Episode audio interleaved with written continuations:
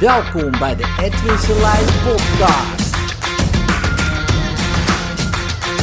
Inspiratie, stimulatie en motivatie om dag goed door te komen. Zorgwekkende behandeling die mij eh, choqueerde.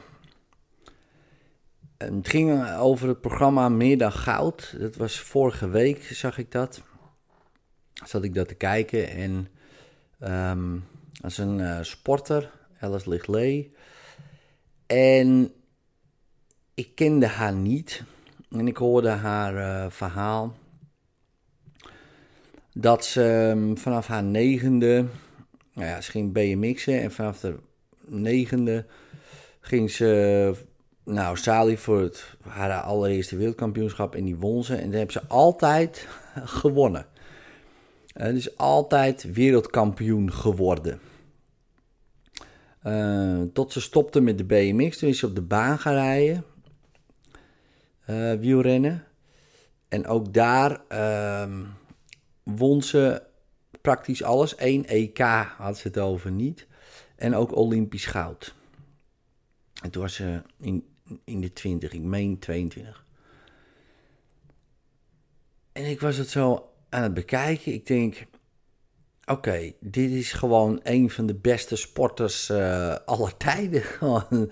Als je vanaf je jeugd al wereldkampioen, het is niet uh, Nederlands kampioen, wat ook een super prestatie is natuurlijk, uh, begrijp me niet verkeerd. zeker, maar gewoon ieder jaar wereldkampioen ben. Gewoon acht jaar achter elkaar of zo. Uh, en dan daarna op een andere sport overstappen. Een andere discipline. Ook wel fietsen, maar gewoon anders. En goud pakken op de Olympische Spelen en daar ook uh, bijna alles winnen.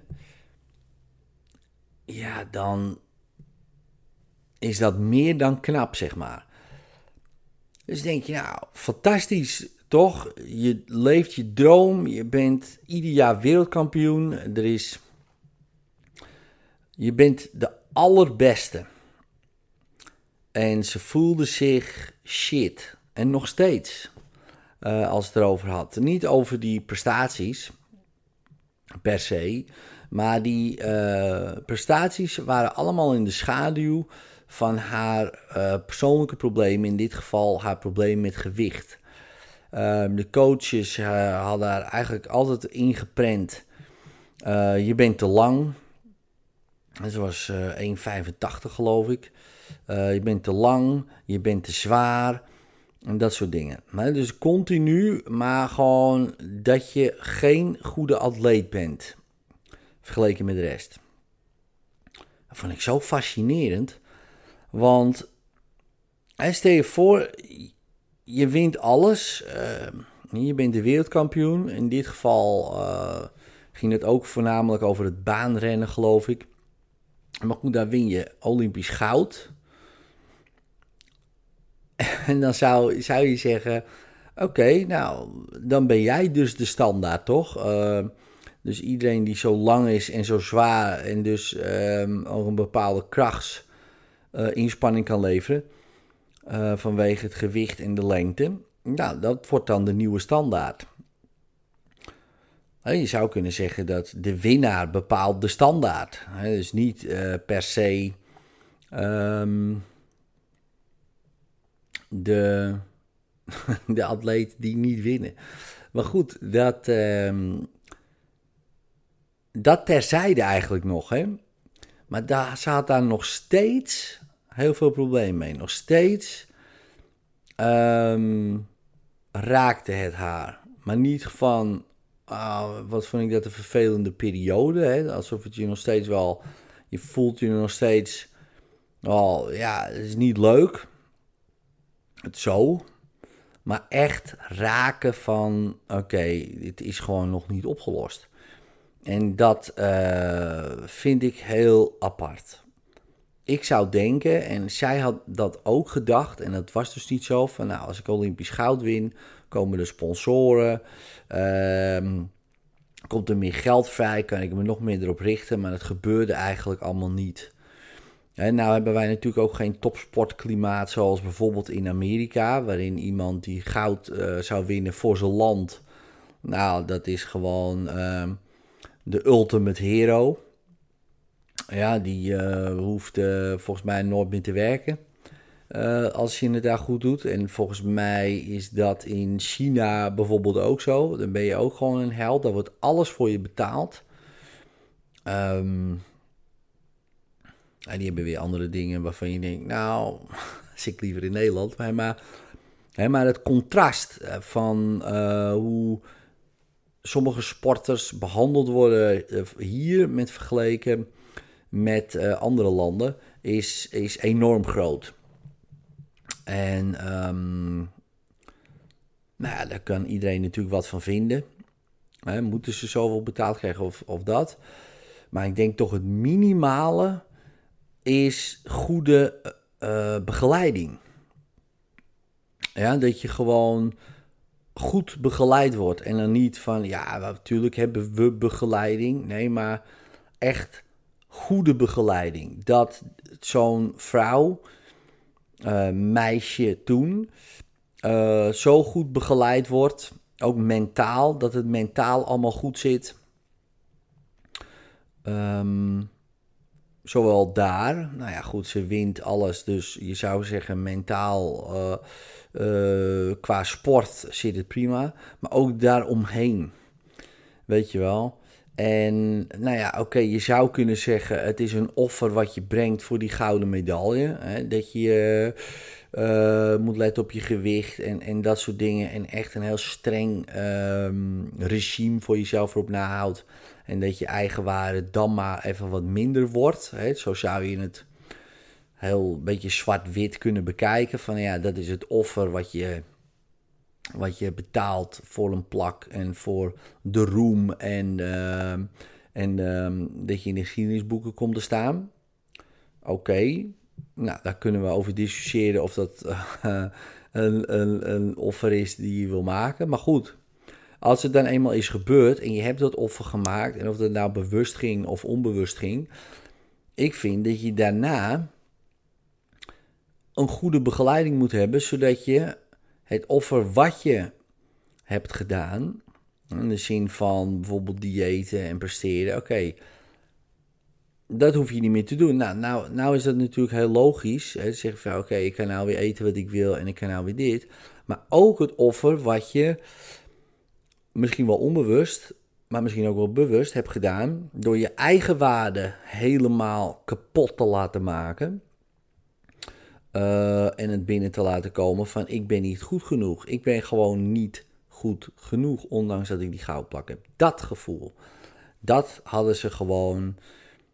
En ik vind nog steeds, nu uh, hadden zij haar daarin veel beter moeten begeleiden. En nu nog, want het raakte haar nog steeds raakte mij ook. Ik denk, jezus, wat verschrikkelijk. Win je alles en voel je je gewoon fucked up.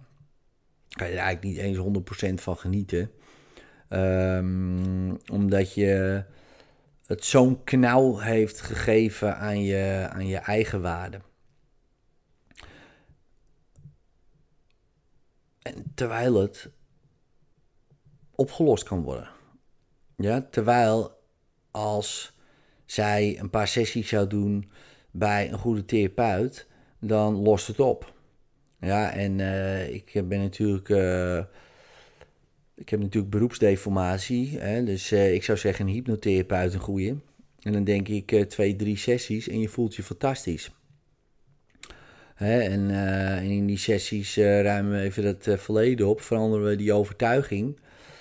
Weet je wel, van ik ben wel goed genoeg. En in die sessies gaan we er ook voor zorgen dat je er echt even gaat staan voor, de, voor de prestatie.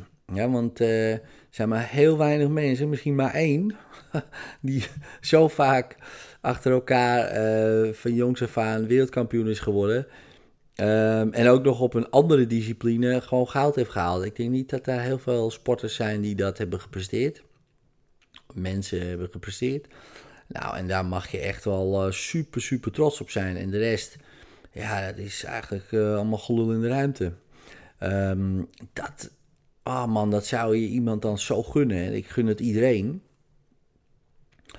Ehm, dan zit ik dat te kijken en, en, dan breekt gewoon je hart. En dan denk ik, nou hebben we zo'n klimaat van, van begeleiding van sporters. En in, in het wielrennen of de baanrennen en, en BMX is dat natuurlijk heel anders dan voetbal bijvoorbeeld. Waar veel meer geld in omgaat. Maar ook daar zie je dan ook ja, sporters die, man, twijfelen, bang zijn. En dat soort dingen. Terwijl ze echt goed zijn. En dan komt het niet uit de verf uh, vanwege mentale problemen. Ja, dat is uh, super jammer. Ja, want uh, ik ken bijvoorbeeld sporters die nooit een grote stap hebben gezet. internationaal, en, maar ook niet naar een grote club toe. Puur omdat ze bang waren voor het stadion en het publiek. En dan denk ik, oké man, is er dan niemand uh, geweest die uh, die gast had kunnen helpen? Nee, weet je, het is allemaal uh, trainen, fysiek, mentaal. Nu zijn er wat meer psychologische begeleiding natuurlijk, maar zo weinig allemaal, zo weinig. En dat is gek.